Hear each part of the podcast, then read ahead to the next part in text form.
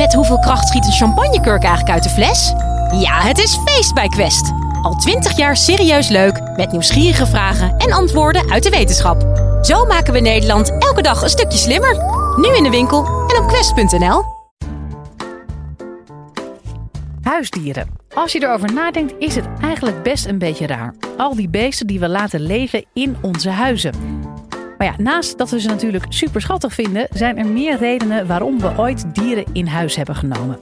In deze podcast vertelt cultuurwetenschapper Maarten Racing van de Universiteit van Amsterdam hoe wij de hond en de kat gedomesticeerd hebben. Live vanuit Club Air is dit de Universiteit van Nederland.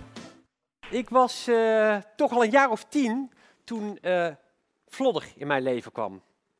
Uh, dat ging ongeveer zo. op een goede dag kwam mijn zusje thuis, lijkbleek. mijn moeder vroeg zich af, wat is er met jou gebeurd? Ben je een, ben je een enge man tegengekomen of misschien een groep puberale jongens? Of, of misschien wel een enge, een enge hond, een grote enge hond. Nee, zei mijn zusje, het was een kat. Mijn moeder dacht, dat is niet goed. En ze besloot om binnen een aantal weken om een kat in huis te halen en dat was Vlodder. Uh, het duurde niet zo lang of uh, mijn zusje vond Vlodder eigenlijk ook best wel een aardig dier.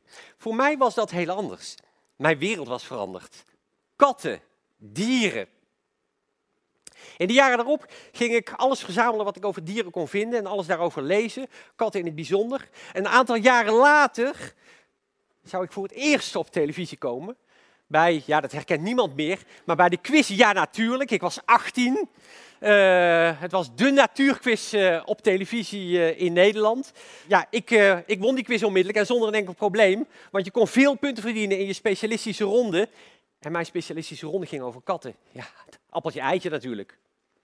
En daarna, daarna, dat was ook al lang duidelijk, daarna zou ik natuurlijk biologie gaan studeren. Alleen toen ik naar de voorlichtingen ging van de Universiteit van Amsterdam, toen bleek dat biologie eigenlijk niet zoveel met katten uh, te maken had. Eigenlijk niet zoveel met dieren in zijn algemeenheid. Biologie ging vooral over cellen. En dat had vooral veel met natuur en scheikunde te maken. En ja, dat was niet mijn sterke punt. Gelukkig begreep ik ook niet zoveel van mensen en van de hele cultuur om mij heen. Dus besloot ik het over een heel andere boeg te gooien. Ik ging media en cultuur studeren. En dat beviel me uiteindelijk zo goed dat ik nadat ik die studie had afgemaakt, dat ik uh, doorging als docent media en cultuur. En het is in die hoedanigheid dat ik nu een jaar of tien geleden, in 2005, een student op bezoek kreeg die zei dat ze scriptie wilde maken over, uh, uh, over Amerikaanse natuurfilms uit de vorige eeuw. Dat leek mij een lastig onderwerp. Was daar veel over? Ik ging even zitten nadenken. Denken. Ik, zit, ging, ik ging zitten zoeken. En toen kwam ik tot de ontdekking van mijn leven. Het bleek namelijk dat er in de jaren 90 in Amerika en in Engeland een nieuwe stroming aan de universiteit aan het ontstaan was, getiteld Animal Studies of Human Animal Studies. Of om het een chique term te zeggen, antrozoologie. Dat had weinig te maken met biologie, dat had alles te maken met de relatie tussen mens en dier. En dan in al zijn facetten. Met andere woorden, ik besloot dat ik mij met animal studies zou gaan bezighouden. Want waarom hebben we allemaal, zijn we allemaal opgegroeid met die dieren van Disney? En waarom zijn we later, een decennium terug, allemaal naar March of the Penguins gegaan? Hoe kunnen we de populariteit daarvan verklaren? En die hele hype rond Knoet die ontstond. En Bokito, hoe moeten we dat dan precies duiden? Met andere woorden, er is veel te ontdekken. En dat hoop ik vandaag te doen. En dat betekent dat, nou, dat ik in elk geval van twee wezentjes weet dat ze vanavond niet zo blij zullen zijn dat ik hier sta. Dat zijn Leiger en Ritsel. Want Leiger en Ritsel, dat zijn mijn huidige huisgenoten. En die krijgen vanavond gewoon iets later eten dan ze normaal gewend zijn. Nou, helaas, dat is niet anders. Tegelijkertijd, misschien geldt het overigens ook wel voor u. Dat wil zeggen, ik zou mij kunnen voorstellen. Nee, laat ik het als vraag stellen. Wie van u heeft ook huisdieren? Bij wie van u zit er zometeen ook iemand te wachten thuis? Dan wel op eten, dan wel gewoon simpelweg op uw gezelschap. Dat is ook om wetenschappelijke reden goed, want dat betekent dat die eigenlijk al lang bezig zijn met dit vakgebied van animal studies. Die stellen zich eigenlijk misschien wel op dagelijkse basis al lang vragen die tot het vakgebied van animal studies uh, uh, behoren. Eerst even, laten we bij het begin beginnen. Hoe zijn die dieren eigenlijk bij ons terechtgekomen? Wat is de oorsprong daarvan? Waar is dat ooit begonnen? Ja, dat zal veel van u dan toch verbazen. Het allereerste begin daarvan is de Big Five. De Big Five. De Big Five, wie behoren daartoe? Olifanten, buffel, leeuw, luipaard, neushoorn. Ja, dat zijn ze alle vijf. Althans, dat zijn ze alle vijf. Dat zijn de Big Five waar we nu aan denken en waar u nu aan denkt als u op safari gaat.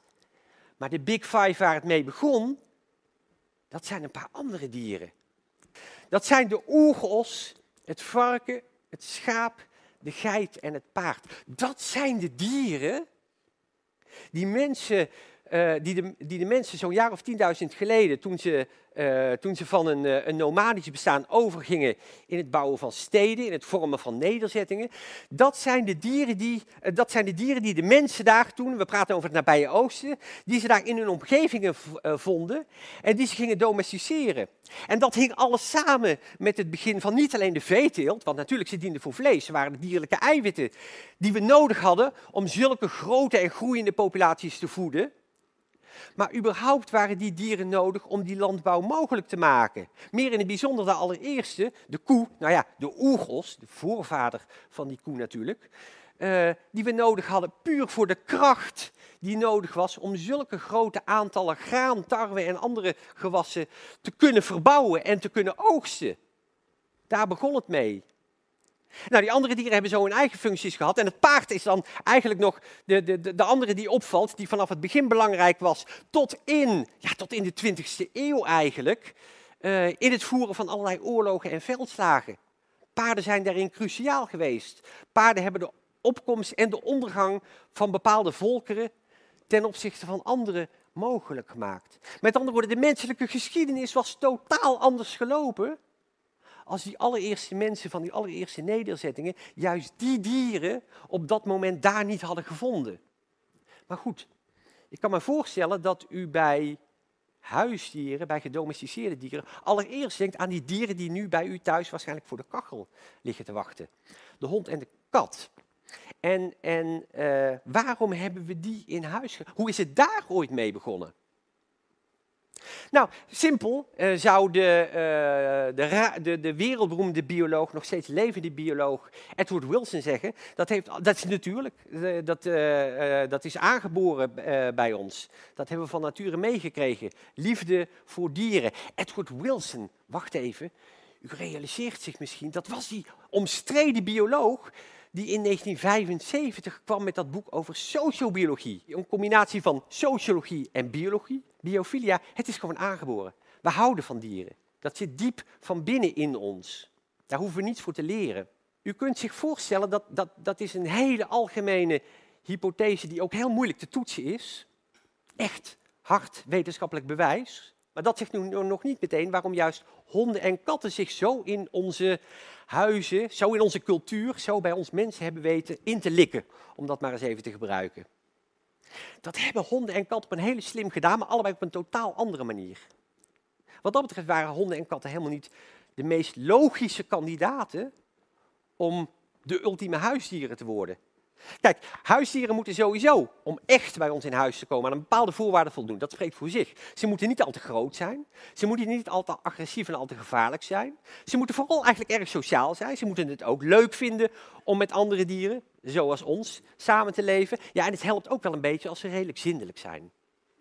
Nou ja, dat gold voor bijvoorbeeld de hond. Laten we beginnen met onze allereerste vriend. Uh, ja, wacht even. Die hond, de voorouder van onze hond, uh, die heeft, die, dus de wolf, die, die uiteindelijk tot hond werd, die heeft zich ontwikkeld in Noord-Amerika. Uh, die, heeft, uh, die is uiteindelijk in de ijstijden ergens via de Beringstraat naar Eurasië getrokken. En die heeft ons daar ergens ontmoet, half, nou ja, halverwege, ergens in het midden. Wij kwamen natuurlijk uit Afrika, we waren al lang uit Afrika gekomen. En ergens daar in het Midden-Oosten, maar waarschijnlijk niet alleen daar, hebben we elkaar ontmoet. En dat, dat was wel liefde op het eerste gezicht. Eigenlijk hebben, zoals we dat nu kunnen reconstrueren, want dat is wat je dan moet doen. Uh, zoals we dat nu kunnen zien, hebben honden en mensen eigenlijk onmiddellijk de voordelen van de ander gezien. Voor het overleven überhaupt. Uh, mensen, mensen hadden vuur. Dat schrok andere dieren af. Uh, honden hadden reuk. Die konden al van heel ver af het gevaar van andere dieren, maar misschien ook andere prooidieren ruiken. Honden waren bovendien van dichtbij heel gevaarlijk, met hun tanden, hun klauwen, etc. Mensen die konden juist van wat verder weg. Die hadden speren, waarmee ze grotere dieren van op een afstandje uh, konden aanvallen. De combinatie, de combinatie leek perfect te zijn. Dus mensen en honden zijn eigenlijk naar elkaar toegetrokken. En in die zin zou je kunnen zeggen dat het niet zozeer is wat we altijd gedacht hebben, dat mensen honden domesticeerden. Het is een wederzijds proces geweest. Honden hebben zichzelf voor een deel gedomesticeerd. Bij katten is dat een heel ander verhaal. Katten, katten waren helemaal niet geschikt om te domesticeren, om bij ons in huis te nemen. Uh, want katten zijn asociale dieren. Nou ja, geen sociale dieren in elk geval. Solitaire dieren in het wild. Dus de voorouder van de huiskat, die leefde al in Noord-Afrika, dat was prima. Maar toen hij bij ons kwam, en hij kwam bij ons vanwege die, vanwege die tarwevoorraden die we gingen creëren rondom de steden, dat was natuurlijk ideaal. Dat trok knaagdieren aan, een ander klein gedierte, wat als prooi altijd al voor de, voor de wilde kat had gediend. Dus katten kwamen naar ons toe, maar niet zozeer vanwege onszelf, maar vanwege die muizen. En dus was het in sociaal opzicht met niet meteen liefde uh, op het eerste gezicht met katten. Integendeel, katten zijn geen groepsdieren. Katten zouden juist ironisch genoeg wel eens het enige dier kunnen zijn dat wij letterlijk gekooid hebben om het bij ons te houden. Katten wilden dat niet uit zichzelf. En de relatie die we met katten door de geschiedenis heen hebben ontwikkeld, is natuurlijk wat dat betreft altijd een dubbele gebleven. Aan de ene kant werden katten uh, opgehemeld, in de bijna meest letterlijke zin van het woord, bij de oude Egyptenaren, waar ze een soort van, uh, van representanten van, van de goden waren. Goden zelf zelfs. Aan de andere kant zijn ze verguisd natuurlijk als je kijkt naar de, naar, de, naar de middeleeuwen in Europa. De heksenprocessen gekoppeld aan katten, zwarte katten vooral, die, een, die, een, die, die representanten van de duivel waren. Uiteindelijk zijn ze allemaal maar goed, dan praten we wel over de laatste eeuwen. Dat is niet iets van duizenden jaar geleden, maar van honderden jaren geleden. Uiteindelijk kwamen ze allemaal in onze huiskamer aan ons haardvuur terecht. Maar daar hebben ze dus heel andere wegen voor bewandeld. Omdat het gewoon heel andere dieren zijn.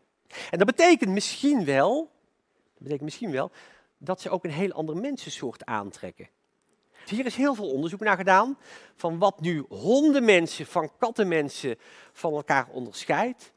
En het teleurstellende, misschien voor u, is om te horen, ze verschillen eigenlijk helemaal niet zoveel van elkaar. Ja, er is één, één cruciaal verschil wat vrijwel alle hondenmensen van vrijwel alle kattenmensen onderscheidt. En dat is dat hondenmensen voor het eerst in contact kwamen met een hond en kattenmensen het eerst in hun leven met een kat als huisdier te maken kregen. Dat is het grote verschil tussen de twee.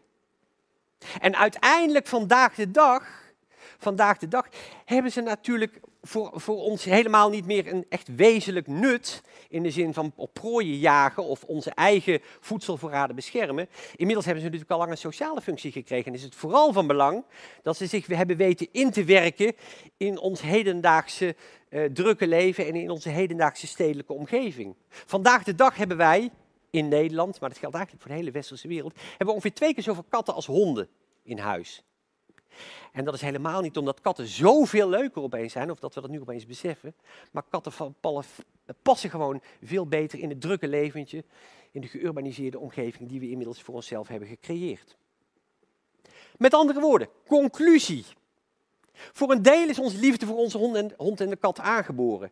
Maar het feit dat we ze ooit in huis hebben genomen, dat had in eerste instantie te maken met het nut dat ze voor ons hadden. Daar zat ook een enorme toevalsfactor bij. Dat ze uiteindelijk bij, met ons in contact kwamen en dat het ook, uh, ook uh, goed liep. En vandaag de dag, vandaag de dag houden we ze vooral bij ons, omdat ze een sociale functie hebben en ook wel een klein beetje een culturele functie. Wil je nou meer afleveringen van de Universiteit van Nederland horen? Check dan de hele playlist en ontdek het antwoord op vele andere vragen.